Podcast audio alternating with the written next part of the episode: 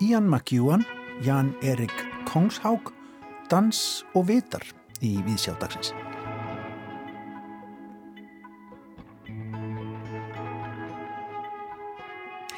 Við segjum í þættinum í dag frá nýri heimildamind sem að heitir Ljósmál og fjallar um vita á Íslandi. Vitar eru dularfullir og saga þeirra er merkileg en fyrsti vitin var reistur á Íslandi árið 1878.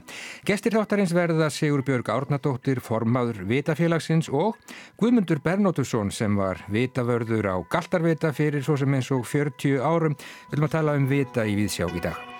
Björn Þór Viljámsson, einn af bókmyndagagrinjandum okkar hér í Víðsjá, fjallar í dag um skáldsöguna Vélar eins og ég eftir breskarriðtöndin Ian McEwan.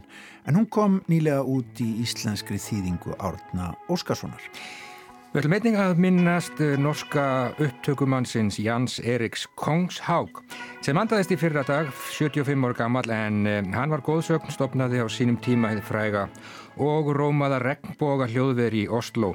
Og já, var mörgum talin einhver merkasti upptökumadur í heimi, kallaður norski galdramadurinn og hann kom að gerð fjölmarkra platna sem margar hverjar, teljast klassískar á sviði jazztónlistar Pétur Gretarsson, hann ætlar að kíkja við hjá okkur.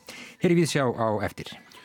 Og Ragnarður Gíða Jónsdóttir heldur áfram að fjalla um dans og mannkinsöguna. Hún hóf umfjöllun sína hér í Víðsjá fyrir viku og hugar í dag að leit vísindamanna að skýringum á ást ofur dansara og óbreytra á danslistinni og forsögulegum heimildum um dans. Já, svona er uppskriftin hjá okkur í Víðsjá í dag en við byrjum á vitum.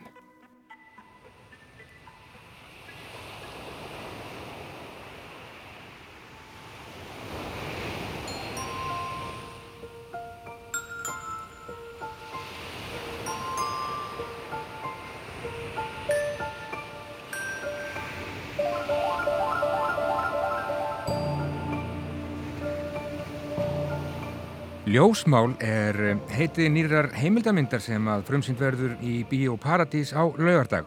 En í myndinni er Vita saga Íslands rakin í fyrsta sinn. Lekstjóri myndarinnar er Einar Þór Gunnlaugsson en tónlistina gerir Gísli Galdur.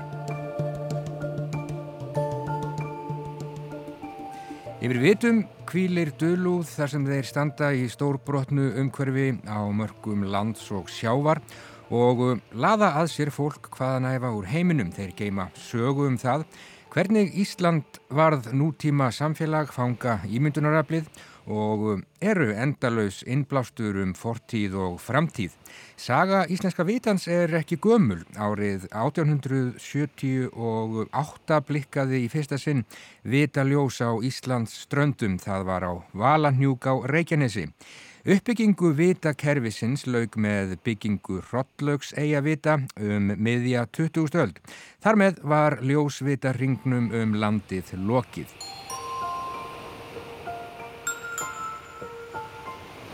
Það voru einhverjum skipa eigendur sem sildu með vörur á milli Íslands og Evrópu sem komu vitavæðungunni á Reksböl þó vissulega hafi hörmulegir mannskadar íslenskra sjómanna einnig verið kvati til að bæta öryggi þeirra.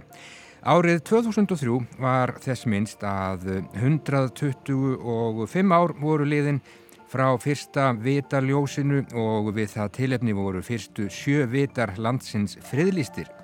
Óhætt er að fullir það að með tilkomu vita bygginga hafi yðnbyltingin hafist á Íslandi.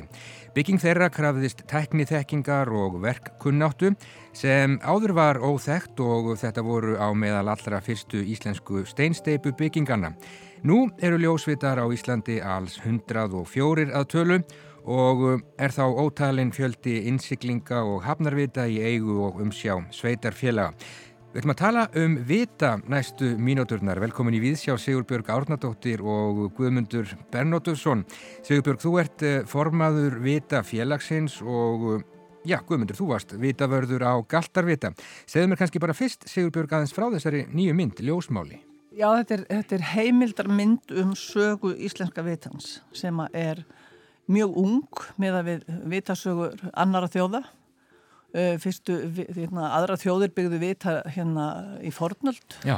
vitin í Alessandri í Egiptalandi er, var talin einn af uh, fyrðuverkum Fornaldar og einn löngur náttúrulega horfin en vitin í Dover í Englandi, hann er frá fyrstu öld eftir Krispurð og var líka svona uh, varðturn Rómverja Já.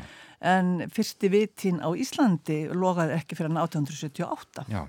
Við erum að byrja á þessu bara svona upp úr miðri, miðri 19. öld. Já, Já. og þetta er uh, mjög merkileg saga fyrir íslenska þjóð vegna þess að þetta rýfur þessa einangrun, hingaði sildi náttúrulega enginn í vetramiskrinu Nei. og það var krafa kaupmanna og, uh, hérna, og náttúrulega almennings líka sem vildi fá fréttir meira heldur hann bara með fyrstu sumarskipinu. Þannig að þeir voru og gengdu mikilvægu hlutverki Já, mjög. og auðvitað náttúrulega Já. mjög margir. Já, já, þeir eru sko 104 svona stórir vitar sko og, og hérna e, gengdu mjög mikilvægu hlutverki og gera það reyndar ennþá sko, þeir eru hérna, enni virkir, margir, flestir Já. og þannig að, að e, þetta er mjög stór, þetta hérna, færði líka Íslendingum eiginlega tæknibildinguna. Já. Við vorum bara með orðurlega á að hrífu þegar hérna, við áttum að fara að byggja vita. Já. Eh, það er nú ekki margir vitaverður eftir Guðmundur Bernóttusson. Þú varst vitavörður í, á Galtarvita á sínum tíma fyrir, fyrir 40 árum. Sko þetta starf að vera vitavörður, það er svona, já við sem að eh, horfum á vita, við svona lítum á þá, sjáum það í svona í mystísku ljósi, þeir eru dölarfullir og, og, og það er einhver, einhver svona ára í kringum þá, en hvernig var að vera vitavörður? En það var bara alveg stórfínt. Ég kem hérna 79, nógumber 79 og er í tæp þrjú ár. Og þetta hún aðalstarfi var veðutakan sko, hún Mhm. mm pildi þessu.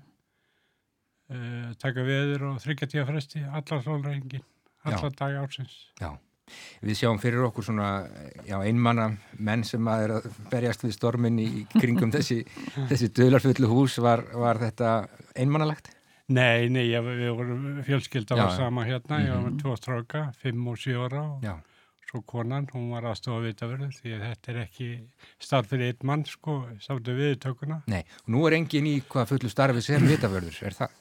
Nei, ég veit ekki til þess að það held enginn sko. Ekki, sko. Óskar í Stórhæða var svo síðasti Já, sem að fullu gengdi starfi. fullu starfi vitavarðar Já, Ha, en akkurat talandi um einmannleikan sko, norðmenn byggðu sko, húsnæði alltaf fyrir tvo vitaverði út á sínum afskektustu stöðum já, mm. nákvæmlega. Þú ert formaður vitafélagsins, eh, Sigurbjörg. Eh, hvað gerir vitafélagið?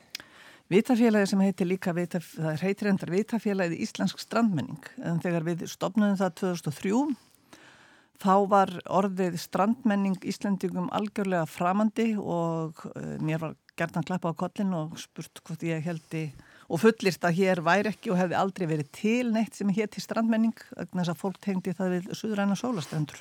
Já, Og, og, en þetta félag hefur uh, hérna, vinnur að því að ebla svona vitund uh, Íslandinga og áhuga á sinni strandmenningu sem að er stórmerkilegt og það viljum við gera með því að varðveitana, þekkinguna, söguna með því að, að eh, hérna, vendana og nýta til bara atvinnu og nýsköpunar. já.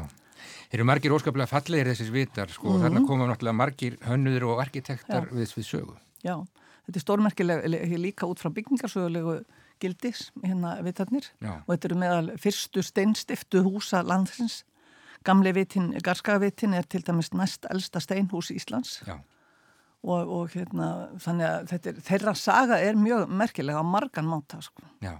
Mm. Guðmundur, var uh, þetta starf að vera vitavörður því þú ert að taka, taka veðrið og, og svo Já, framvegis? já, sinna vitanum, mm. -hmm. þrýva linsur og rúður ef að Já. settist á rúður og, og hérna halda uh, ljósunni gangandi. Já, Það var aðalstarfi í því já, og svo var náttúrulega ljósavélar hérna sko, bæði vasturbína og dísivélar sem þetta hugsa um. Sigurbjörg, þegar, þú, þegar ég hringdi því í gær þá, þá talaðir þú strax um, um þessa mystík. Já, það, þið sko vitar náttúrulega standa óskaplega fallegum stöðum og, og eru svolítið mystiskir og eru einhvern veginn fyrir mér alltaf á mörgum alls, fyrir á mörgum lands og sjávar, ljós og skugga, lífs og dauða, gegna þessu undarlega hlutverki að fjárstýra fjólki, að enginn komi í námynda þá framan að þeim. Eh, hafa þá, já, þá undarlega áráttu að vilja frekar að fólk komi að sér baka, baka frá en, en uh, þeir eru, já, fallegir og eru mikið aðdrættarafl, miklu meira heldur en uh, fólk hefur almennt gert sig grein fyrir og við í vitafélaginu svörum okkur með einasta ári ótal fyrirspurnum erlendis frá Já. að fólki sem kemur hinga bara nánast í pílagrimsför til að skoða vita Já. Og uh, hérna, félagar í vitafélaginu hafa farið hérna, í leðsugumanna hlutverkinu til að sína erlendu gestum vitalansins. Þannig að þetta er raunverulegt aðdrátturafl. Þetta er raunverulegt aðdrátturafl og það er hægt að nota þá á svo margan máta, bara um, getur bent á Akranes, það Íslendikar vissu allar sjálfur hvar Akranes var á kortinu fyrir hann að, Hilmar hérna fekk dellunum fyrir Akranesvita sem er núna upplýsingamiðstöð og aðal aðdrátturna Akranes. Já. Og, og það er hægt að gera svo margt Já. fyrir teiningurinn hefur svo margar hliðar margar hliðar, já, já. Guðmundur, þú kemur að vestan og það eru margir fallegir vitar fyrir vestan sér þú þetta svona í romantísku ljósi? Já, já, þetta er margir fallegir vitar já, í þeim land já. þeir eru og Sigurbjörn segir þá er þeir um 104 sko, mm. en það eru fleiri sko 125 6 með þá eru hafnar innsiklingavita sko, sem að bæjarfélagin eiga og regla. Já, var komið yfir á þá tím, hérna á einhverju tímapunkti. Já, nákvæmlega. Svo eru sömur sem vilja láta sér dreyma um það að búa í, í vitum og já, Galtarviti til dæmis, hann verður fengið svona nýtt hlutverk uh, og fekk nýtt hlutverk þegar svona Já, ungir listamenn fóru að, að venja komur sínir þá. Já, já, já, það er alveg rétt. Og döldu þar og sköpuðu. Já, já, já, með, já, já, skapa, mála og... Já gera listaverk. Já, gott að skapa í, í vita en Sigurbjörg, uh, já, fallegasti vitin á Íslandi, hvað er hann og hver er hann? Ah, það er erfitt að segja. Þeir eru margir. Dýrhúlegar vitin er mm -hmm. alltaf mjög fallegur, kálsamarsvitin, þeir eru svo ólíkir sko, en þeir eru margir mjög fallegir og falleg umgjörði kringu það marga. Já. Já. og þetta er merkileg saga sem þið eruð að segja í þessari mynd. Já, þetta er nefnilega sko, eins og Gísli Galdur sagði þetta er þáttur Íslandsvöna sem ég þekkt ekki. Já, mitt að, að tæknibildingin hafi í rauninni borist til Íslands með, því, með vitum. Og þetta er að fyrsta sem að uh, þing byður um þegar það kemur saman hérna, hérna, frá því að miðöldum. Og það er að byggðu sér viti og þá erum við náttúrulega undir dönum. Já og, og Grímur Tomsen skáld var þá formaður nokkur skonar fjárveitingarnemdar og tókst að fá peninga út frá dönum til þess að byggja vita. Já. og þetta er það, það fyrsta sem er beðið um. Já, sko bygging þessar að vita það, mm. hún krafðist náttúrulega tækni þekkingar og verkkunnáttu sem að var ekki fyrir hendi áður. Já, já og náttúrulega, það já, það var bara þannig. Þannig að það þurfti að flytja inn tæknimenn frá Danmörku sem að fóru síðan að sinna öðrum hlutun líka. Já og Torvald Krabbi sem ætlaði bara vera hér örst, örsk, sko stund held ég og bara var hér allæfi og var vitamálauður og það var bara í þessu hlutverki. Hvað segir þú Guðmundur mm. fallegasti vitin á Íslandi? Hvað er hann? Ég, þeir eru, það er eh, Kálsamarsviti, mm. sérstakur Já. og eins hérna eh, strömm, eh, sögðan, nei hvað hitt hann áttur hérna í Skagafjörði hann er svo rókur í leginu Já, hann mm. mitt, já Hann er alveg sérstakur Nákvæmlega. Og það er búið að friðlýsa vita Já, eh, félagið eh, var stopnað 2003 í mæ og Magnús Skúlason sem að þá var formaður húsafriðunanemndar hann eh, fór með mér á ráðstefnu Norræna í, í Nóri og sá að við svo búum átt ekki standa þannig að, að hann sá til þess að fyrstur viðtalansins voru friðlistir e, í fyrsta desember 2003 mm -hmm. og, og, hérna, og síðan eru náttúrulega margir sem eru e, friðaðir samkvamt hérna, aldri sem er 100 ára eldri. Ljómandi gott og mjög heillandi og mikilvægt að halda þessari sögu til haga. Ljósmál, e, ný heimildamind um vita eftir Einar Þór Gunnlaugsson Frumsynd í Bíóparadís á laugardag, mjög skemmtilegt, ég segi bara takk fyrir spjallið uh, og takk fyrir komuna í Viðsjá, Sigur Björg, Árnadóttir og Guðmundur Bernóttusson. Takk. Kærþakkir. Takk.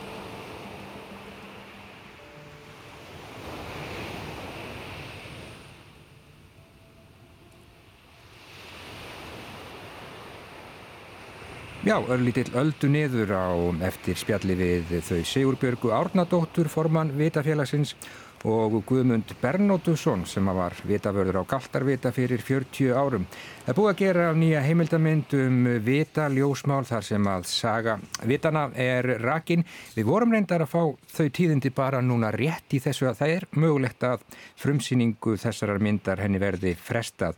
En áhuga fólkum vita og þessa mynd þeir geta væntanlega fylst betur með því á heimasíðu Bíóparadísar. En við ætlum að fara yfir í bókmentir og þýðingu á breskum bókmentum. Björn Þór Viljánsson hefur verið að lesa nýjútkomna þýttaskáldsögu. Framtíðin er ekki björt, myndu sumir segja, sem væri þó kannski að leiða hugana hlínun jarðar í bland við útbreyðslu kjarnorkuvopna, uppgang einræðisvelda, aukna miskiptingu auðs á vesturlöndum, appelsinu gulur önvuruleika sjónvarfstjörnuna í kvítahúsinu, einógun farra tæknifyrirtækja og samskiptaháttum veraldar og yfirstandandin hægfara útför sjálfstæðira fjölmiðla. Framtíðin hefur hins vegar aldrei verið neitt sérstaklega björt í vísindaskaldskap eða allavega ekki undanfærin 70 ár. Raunar bjóða fáar bókmentagreinar upp á jafn skýrt og skínandi afdráttalust sínidæmi um andlát hennar tækniknúnu framfara hugsunar á 20. stöldinni og vísindaskaldsagan.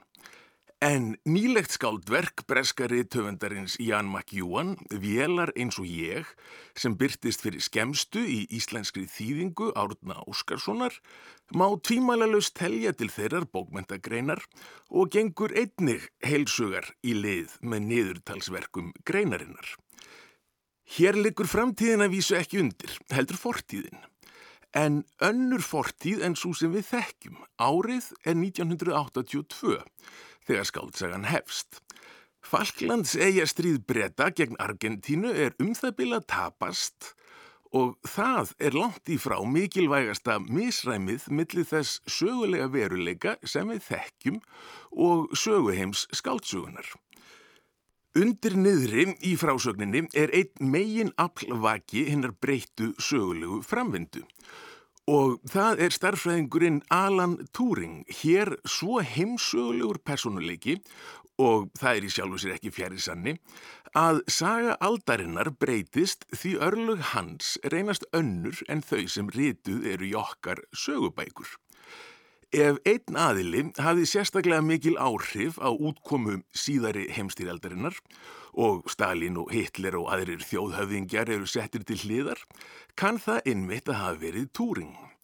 Hann gengdi likil hlutverki við að ráða dullkóðunar likil öksulveldana í sjóhernaði, án þeirra vitundar auðvita, og hafði þannig gríðarleg áhrif á stríðsregstur bandamanna síðustu 2-3 ár stríðsins. Og svo fann hann líka upp tölvuna og hugmyndina um algoritma og lagði línutnar fyrir þróun gerfigreindar. Fleira mætti tína til en Túring var samkynneður og í stað þess að vera hildur af þjóðsynni var hann sóttur til saga fyrir kynvillu örfám árum eftir stríðslokk, sakveldur og geldur af Breska ríkinu. Tveimur árum síðar, þá 41 á skamall, tók hann eigið líf. Í sögu heimi McEwans er þessu öllu allt öðruvísi farið. Túring er goðsögn, dáður víða um lönd og drivkraftur tæknið þróunar sem tekur okkar samtíma fram. Internetið og snjálfsímar eru gamlar fréttir árið 1982 en nýbúið er að markaðsvæða niðurstöður rannsókna Túrings á gerfi greint og fyrstu vélmennin sem yfir henni búa eru komin í búðirnar. Vélar eins og ég er fyrsta vísinda skáltsaga McEwans en eins og hlustendur vita eflaust var hann stattur hér á landi fyrir ekki lungu þá til að taka við fyrstu alþjóðlegu bókmentavelununum sem kend eru við Haldur Lagsnes. Verlunin fekk hann fyrir höfundarverkið og eru ekki þau fyrstu. Raunar er eiginlega kvorki pláss í nappagatinu hjá McEwan fyrir fleiri rósir eða í hattinum fyrir fjæðrir. Svo marg verlaunaður og heiðraður er hann. Raunar hefur mér lengi fundist eitt að allra forvitnilegasta við Feril McEwan vera hvernig svartagalls Jan eins og hann var snemma uppnemdur í breskum fjölmiðlum með tilvísun til umdeildra og myrkra yrkisefna varð að einum miðlægasta og virtasta meginströms höfundi breskra samtímabókmenta, jafnvel eins konar þjóðskáldi. Sum fyrirverka McEwans fela í sér kaldranarlegar lýsingar á ofbeldi sem eru jafnframt vafðar inn í orðræðu sem rögvæðir stjórnleysi, kvennhattur og sjálfseyðingu og rampa gjarnan á barmi hins fantasíska og hreitnar styrlunar. Í setni tíð hefur þetta breyst, yrkisefnin og efnistökin eru önnur og hefur breytingin haldist í hendur við velgengni höfundarins, framsetning á siðferðilegum vandamálum og tilraunir til að takast á við samfélagsmál í víðara samhengi hafa verið í forgrunni hjá þjóðskáldinu Makjúan og vélar eins og ég er þar engin undantekning. Siðferðilegu vandamálinn sem Gjúan glýmir við hér eru keimlík þeim sem standa fyrir miðju kvikmyndarinnar Blade Runner frá 1982 sem er illi skott leikstyrði og skáltsugunni sem hún byggði á, Dreymir vélmenni um rafvætar kindur frá 1968 eftir Philip K. Dick. Hver er siðferðileg ábyrð okkar mannana, anspænis sköpunarverkum okkar sem getur vitund, greind og tilfinningalífi, skild okkur takast að búa þau til. Hvaða áhrif hefur það á okkur að vera ekki lengur eina vitsmunalega lífveran í veröldinni eða einu sinni svo greindasta? Annars vegar er um frásagnar mótíf að ræða sem rekja má aftur til 1818 og skáldsögunar Frankenstein eftir Mari Shelley Hins vegar erum að ræða vandamál sem er raunverulegt og vísindamennum víða veröld standa frammi fyrir um þessar myndir. Þar sem þróun gerfigreindar hefur tekið stökk fram á við á umliðnum árum og hérna mætti kannski nefna að fyrir þremur vikum gangsetti bandaríska fyrirtækið Google fyrstu skamtatölvuna og hversu vel hafa leist reikningsdæmi sem tæki upplugustu ofurtölvu veraldar 10.000 ár að leisa á 180 sekundum. Gerfigreindin gæti með öðrum orðum verið að færast nær okkur en jafnvel bjarsínustu menn vonuðu eða þeir svartsínustu óttuðust. Það eru jú margir tækni frömuður og vísindamenn á þeirri skoðun að fyrsta verk gerfigreindarinnar, verðuna veruleika, væri að betrum bæta sjálfa sig með rótækum hætti, mjög hratt og umbreytast þannig í ofurgreind. Næst fyrsta verkið verður svo að útrýma mankininu. Eins og ég gaf til kynna hér á undan með því að vísa til skáltsugu Philip K. Dick frá 1968, þá eru siðferðilegu vandamálinn sem McEwan fæst við ekki beinlinis ný af nálinni. Sem myndi ekki skipta máli ef McEwan tækist á við þau með skapandi hætti sem hann gerir ekki. Það hvernig þið melodramatíska ímyndunarafl hefur tekið yfir skálskap McEwans í setni tíð væri reyndar efni í pistil útaf fyrir sig. Læt ég hér næja að nefna að vélar eins og ég skartar munaðarleysingja, ofbeldisverknaði, óvæntum arfi, glæbamanni, nöðgun, ástarþrýhyrningi, myrkri og dularfullri fortíð einnar personunnar, annari nöðgun, óvæntri fangelsisvist og svo þeirri óneitanlega jákvæðu hugmynd að býtladnir séu enn að gefa út plötur árið 1982. En bara að lesa upp þennan lista þreytir mig hálfpartinn, dálítið eins og skáltsagan. Það sem hún hefur þó til að bera er alltaf því ókennileg ritsnild McEwans. Ef skáltsögur væru metnar málskrein til málskreinar, væri hann kannski besti höfundur í heimi. Og þessari hlið verksins miðlar Árni Óskarsson af listfengi í þýðingu sinni. Hitt sem liftir bókin upp er hvernig hún tekur á áður nefndri hugmyndum að gerfi greindin eigi eftir að útrýma mankininu. Nokkuð sem loðað hefur við frásagnælegar byrtingamundir efnisins allt frá því að Karel Capek skrifaði leikriti sitt um róbóta uppreysnina á þriðja áratögnum. Hvað þetta varðar fer skáltsaga McEwans í indislega óvæntar áttir. Er þetta góð skáltsaga? Eh, nei, að mínum mati er vélar eins og ég dálitið vond skáltsaga. En ætti maður að lesa hana? Já, fjandakornið þótt ekki væri nema bara út af snúningnum sem er tekin á útrýmingarmótífinu og svo auðvitað líka til að sjá Alan Turing, sprellifandi, ganga inn í söguna eins og hann gerir í síðasta hluta hennar. Saði Björn Þór Viljámsson um nýjútkomna þýðingu Árna Óskarssonar á skáldsóni Vélar eins og ég eftir ennskaritöfundin Ian McEwan. En þá ágetu hlustendur tónlist að gefnu tilefni.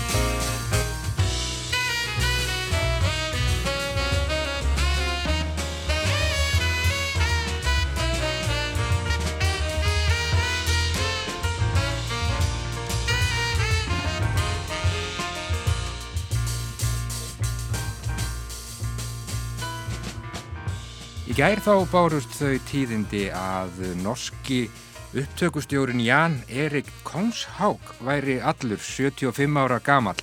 Þetta var eh, ansi merkilegur maður sem kom víða við og eh, já, rak meðal annars frækt hljóðver í Oslo sem að kent er við Regnboga. Pétur Gretarsson, þetta var ansi, þetta var ansi merkilegur gaur. Já, var það. Ég, hérna, ég hitt hann og var svona pínu starstruck að því að hann var svona fulltrúi tónlistar sem maður fylgdist með og hafði mikil áhrif á mann og, og mér fannst hann vera svona, þetta var svona eins og ef einhver hérna, singer-songwriter hefði hitt George Martin eða einhvern svona Já, alveg þannig. hitt, já, Já. það var eiginlega alveg þannig sko.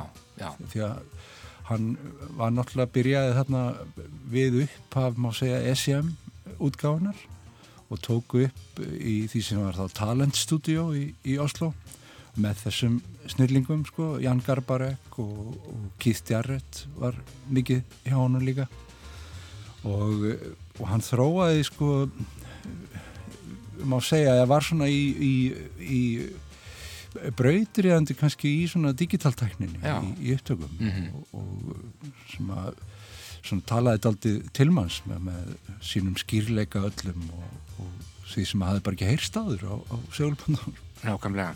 Það er nú verið að halda upp á sko 50 ára afmæli eh, SIM útgáfunar bara núna þessa dagana og þessar vikurnar sko þeir eh, fara að gefa út þarna plötur í byrjun 8. áratugurins eh, jazzplötur sem, að- sem að breyta hansi miklu.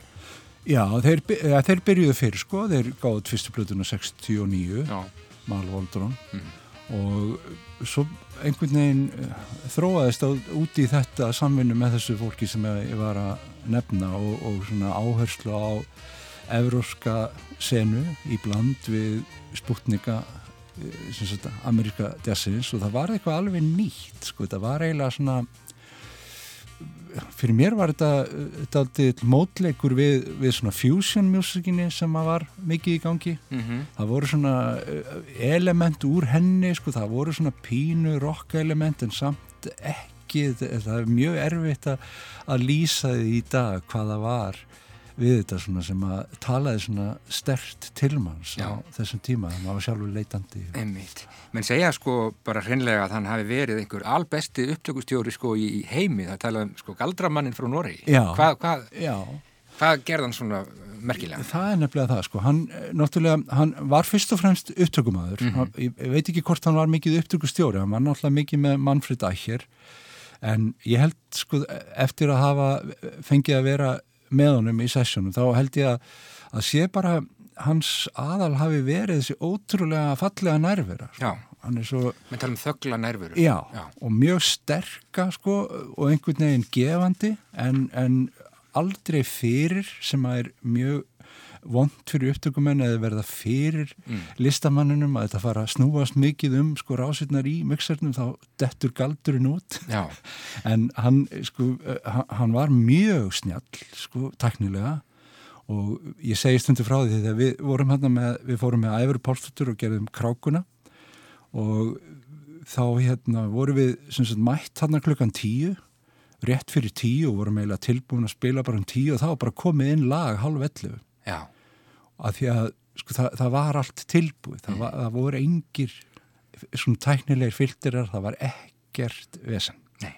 Hann sagði sjálfur sko að hann gerði ekki nokkur skapaðan hlut annan en þann að, að leifa tónlistarmörunum að, að gera sitt. Já, já, Já, það, það var galdurinn. Já, það held ég að sé galdurinn. Og Við stilti hann. stannvegi flíilinn sinn tvisvar á dag að mistakosti. Já, Já, já, já, það, það var líka uh, mjög gaman að koma þarna og, og fá að svona róta í gegnum dótið sem að maður vissi að hafi verið spilað á, á, plötum sem að maður held upp á og, og þó að við höfum nú verið að spekulera auðvitað í því sem við ætlum að gera þarna þá gaf maður sér aðeins tíma til þess að spurja hann út í, út í eitt og annað og, og það komu nokkrar skemmtilegar segur, ég ég spurði hann út í plötu með Paul Bley sem að ég var að hlusta á þessum tíma og, og þá kom í ljós að súplata og önnur til sem var, var til úr sömu uh, sessjónum að það voru engar líkur og það yrði til plata úr þessu, það var svo mikið ruggl í sessjónunum en samt sko heyrir maður það ekki. Nei. Og hann vann náttúrulega með öllum, þú nefnir Keith Jarrett og uh, Jan Garbarek, uh, Pat Metheny, Já, um, já. Chick Corea, uh, Terje Rípdal, Charlie Hayden, þetta er endalust. þetta er endalust þetta er endalaus katalókur, hann Já, gerði svo mikið. Hundruðir stór, platna. sko. já, já. og svo á hann svona skemmtilegan bakgrunn hann var príðis gítarleikari sjálfur, Mhm, svona bebop gítarleikari í setni tíð og, og þar áður var hann svona meir í popmusik hann var til dæmis hérna, sigraði sko fórkeppni Eurovision 1966 Já, og til lag þar. Takk fyrir það. sem er ekki, ekki eitthvað sem maður setur í samband við Jan Erik Kongshátt Já, en það eru fleiri Íslandingar sem hafa komið nálægt þessu manni, Einar Skeving, hann tók upp plötuna Cycles í Regbúa Nei, hann, sko, já, hann, miksaði hann held ég. Hann Nei, þá og tók hann ekki og, og, og masteraði Já, hann masteraði og mixaði. hann masteraði fleira, ég veit ekki hvað hafa margir tekið upp hjá honum sko, en hann masteraði eitthvað. Nákvæmlega. og ég veit að hann, hann masteraði fleira með æfuru en, en sko við fórum hann vegna þess að við svona, vorum að pæli því hvað við ætlum að gera með þessa músik æfarar og, og þá kom svona í hálkæring einhvern veginn að við förum bara í því mm. við vorum öll á þeim tíma þekktum það mjög vel öll og, og vorum mjög svona sko heilluð að þeim hljóðheimi. Og, og ég, ég myndi nú gætna vilja sko taka kredit fyrir að hafa átt hugmyndin en ég man ekkit hver átti hana en þetta kom upp. Og, og við svona við hlóum að því sko að okkur fannst þetta svo fjärstaði já, einmitt. En gott að vera í Regbúanum, alveg frábært sko. eitthvað sérstakt.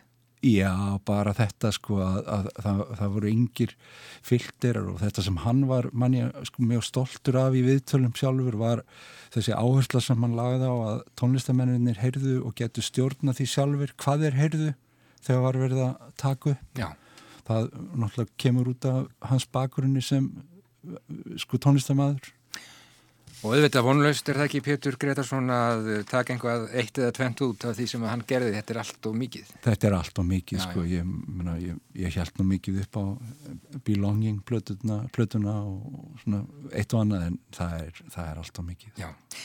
Það er til heimildamind um Kongshaug sem að heitir The Kongshaug Effect og kannski bara allt í lagi að benda hlustendum á þá myndi, ég hef ekki séð hana sjálfur reyndar, en ég held að hún sé frekar, frekar nýleg, en eh, já, galdramaður og góðsögn þessi maður, Jan Erik Kongshaug, um, kom hann vel fyrir? Já, hann var, hann var nefnilega sko, hann var mjög svona hæglátur sko og hann er svona, var einhverjum 15 árum eldri en ég og, og svona virkaði, en það, sko aldur skipti engu máli í því tilvægti og, og það var svona lúmskur húmor sko, ég, ég man að þegar við áttum í tölur samskiptum þá, þá sko sló ég á hann einhverjum svona mjög vafasum um húmor en hann svaraði alveg í tíundaveldi sko. Já. og, það var, ég, og það var alveg þannig sko, ég get ekki haft það eftir Nei, sprengdi skalan. sprengdi skalan Aha. og, og ég man að mér fannst þetta svo fyndi sko, að þetta skildi koma úr þessari átt Já. sko. Hvað hefur að hlusta á í lókin?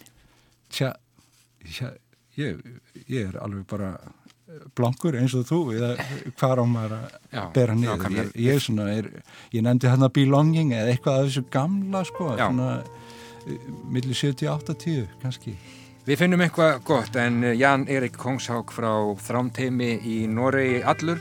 Galdramadurinn frá Noregi, hann andaðist í fyrra dag 75 ára gamall. Takk fyrir að koma í Víðsjá Pétur Gretarsson og segja mér frá. Takk.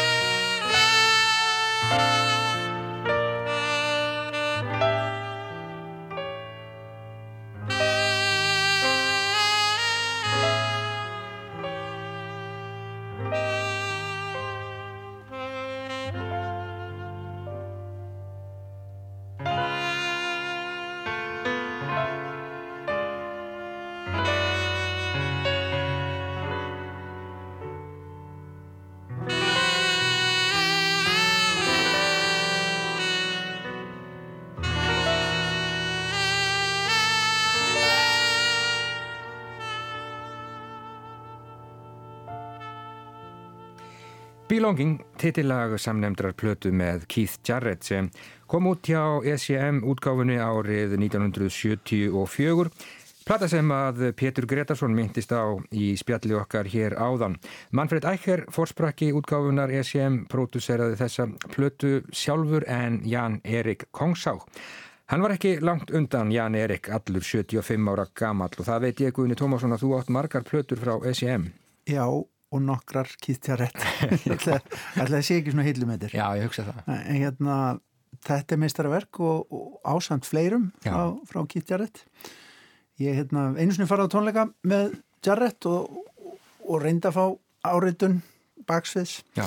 það tókst ekki. Það tókst ekki, en þetta er merkileg útgáfa á SCM og þetta var merkileg maður Jan Erik Kongshág heldur betur, heldur betur. En þá dans? Já, við ætlum að dansa smá Eh, því að Ragnhildur Gíða Jónsdóttir hún hefur verið að fjalla um dans og mannkinsögu og nú hugar hann að leit vísindamanna að skýringum á ást, ofurdansara og okkar óbreytra í danslistinni og já, forsögulegum heimildum um dans. Við skulum heyra hvað Ragnhildur Gíða hefur um þetta að segja.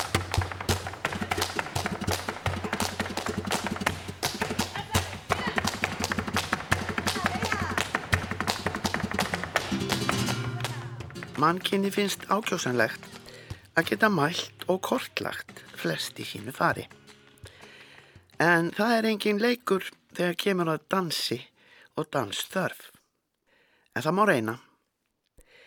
Fyrir rúmum áratug byrti hópur vísindamanna niðurstöðu sínar í bandarísku vísindariti The Public Library of Sciences Genetics Journal Þeir velti fyrir sér hvernig stæði á því að sumir dansuðu öðrum betur og meira. Aðrir þýrið ekki á dansgólfið að ótta við að verða sér til skammar og allt þar á milli. Vísindamenn þessir kolluði eftir lífsínum úr 85 ofurdansurum og fóruldrum þeirra og báru þessi síni saman við þau úr vennjulegu fólki annarsvegar og íþróttamönnum hins vegar. Fljótlega einbyttu þeir sér að tauga bóðefninu serotoníni og hormóninu vasopressíni. Streymi serotonins hefur meðal annars áhrif á skapverðli og alla virkni manna. En vasopressín er grunað um að vila félagslega ferni, kynkvötina og hæfi manna til að tengjast öðrum, svo nokkuð sér nefnd. Í ljós kom að í líkumum ofur dansarana 85 var meira magna af þessum efnum en í samanbörðarhópunum. Ofurdansararnir reyndust opnari, móttækilegri, félagslindari og leiknari í mannlegum samskiptum en samanbörðarhópanir að sögn vísindamannana. Ekki nómið það. Þessi dægilega framlegsla á serotoníni og vasopressíni hafi sennilega komið til sögunar með reistamanninum Homo erectus fyrir kannski einni og hálfri miljón ára. Hann er forfæðir okkar, Heidelberg og Neandertalsmanna, Peking og Jöfumanna, Denisovíana og smávöksnu íbúa Flóresegjar í Indonésiu en þeir dói út fyrir bara 13 til 10.000 árum, svo nokkrir og þekktir síu nefndir. Sama ár og vísindamennir byrstu niðurstöður sínar kom út bók Stephen Smithen, forleifafræði professors við Reading Háskóla á Breitlandi, um syngjandi neandertalsmenn, uppbruna tónlistar og tungumála, hugurinn og líkaminn. Hann telur að dans og söngur hafi snemma skipt sköpum í mannlegum samskiptum, jáfnveg strax þegar menn stóðu á fótum tveim, réttu smám saman úr bakkinu og tóku tal saman.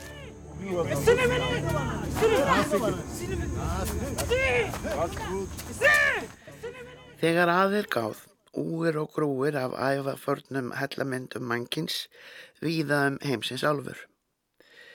Það er einna elstu er að finna í Ástralíu, Altamýra helli á Spáni, 36.500 ára og einhverjir neandidalsmenn enn á ferli. Það sína helst dýrmerkurinnar sem fyrir augum forfæra okkar bar og eftir sóttustu bráðina. Víkur þá sögunni til núverandi Brasilíu norðaustanverðar. Þar er þjóðgarðurinn Serra da Capivara, flóðvins fjallgarður.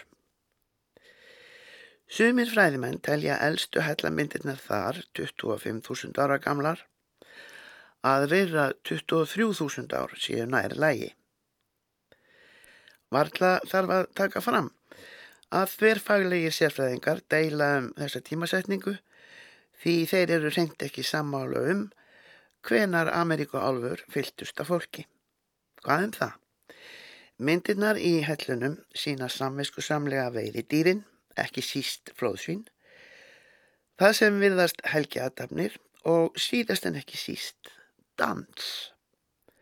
Karlar, konur og börn dansa, ekki tjó og tjó saman heldur í einfaldri röð eða ég vil ring. Í Bimbetka helli á Indlandi um það byrjum miðju er ekki farið en 600 hellar sem hýst hafa menn. Þar príða alltaf 13.000 ára myndir hellavekkina. Vísundar og tígristýr, villigeltir og apar, eðlur, fílar, antilópur, veiðar, hunungsöfnun, líkamskraut af ymsutægi og dans. Konur og karlar og börn dansa í röðum. Vegmyndirnar í Magúrahelli í Búlgaríu eru nokkuð yngri en áðurnemdar, 8 til 4000 ára. Þar var til síðs að nota leðurblöku úrgang fyrir lit og sína auðvita veiðar, líka geometrisk tákn, annur tákn af ýmsutægi, mannleg dýr, dýrslega menn og danskarla og hvenna. Hugsanlega hefur einhver utan þessara mynda slegið takt með beini eða trjátrumbi í stein. Slegið saman steinum nú eða lófum hefur verið klappað saman og dansinstígin við þeirra tíma söng. Í sumum hellum gefur að líta menn berja rammatrómur, aðrir blása í flautur og nautgreipa hort.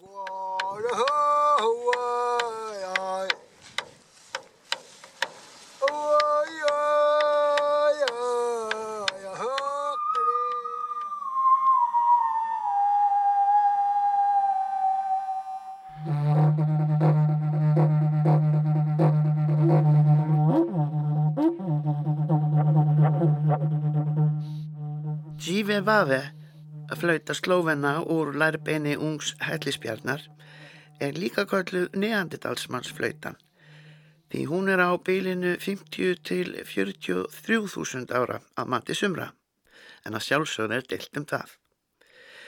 Þjóðverjar hampa 35.000 ára gammalli flautu úr vang Benigams. Hún fannst það sem nú heiti Svabia í suðvestur hluta landsins. Til eru þeir sem telja að alltaf 40.000 ára gamlum hellamyndum suður í Ástralíu og eigum og ströndum við Torresund þar niðra megi greina frumbyggjana, blása í didgeridú, skorið úr tröllatrján.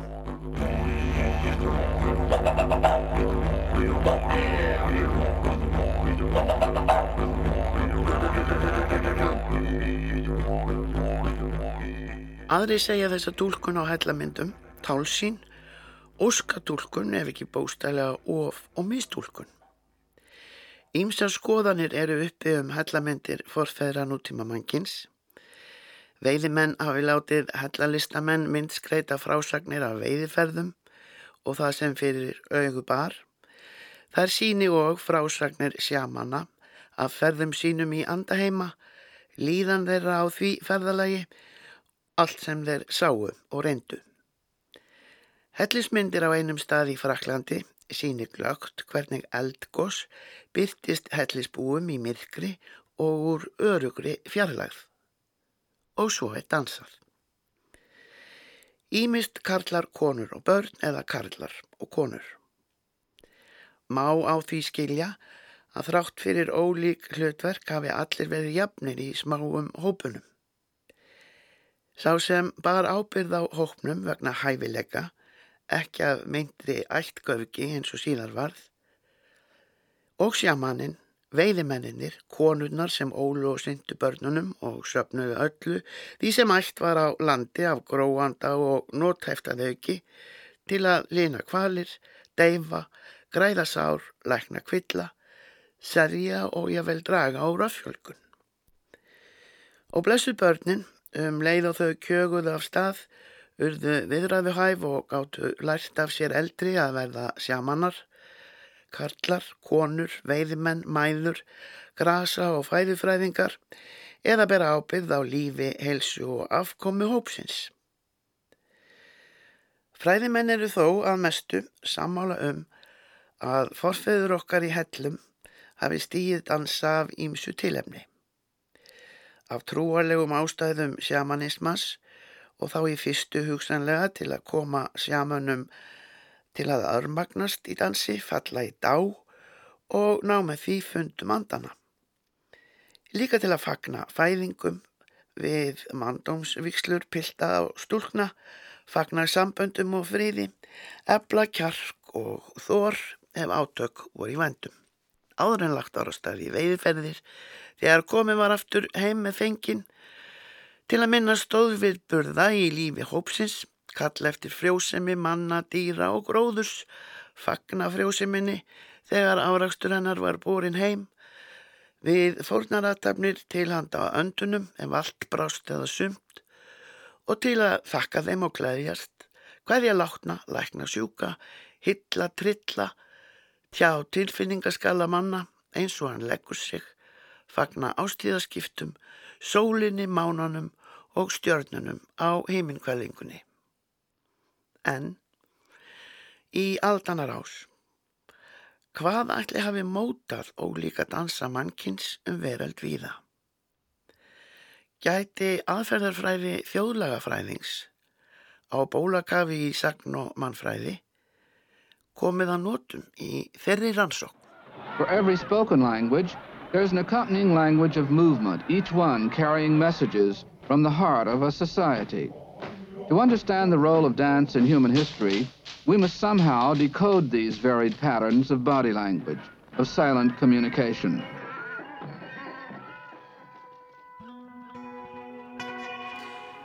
Að vikuleginni ætlar Ragnhildur Gíða Jónsdóttir að segja okkur frekar frá niðurstöðum þjóðlaga fræðingsins bandaríska Allans Lomax, hann rannsakaði dansinn þó nokkuð enda heitlandi fyrirbæri, Erikur. Heldur betur og við ætlum að ljúka við sjáum í dag á dansi nákvæmlega, við förum dansandi hérna út úr hljóðstofinni og út í veruleikan Eins og alltaf. eins og alltaf. Takk fyrir samfélgina í dag, heyrumst aftur á þriðu dag. Verið sæl. Verið sæl.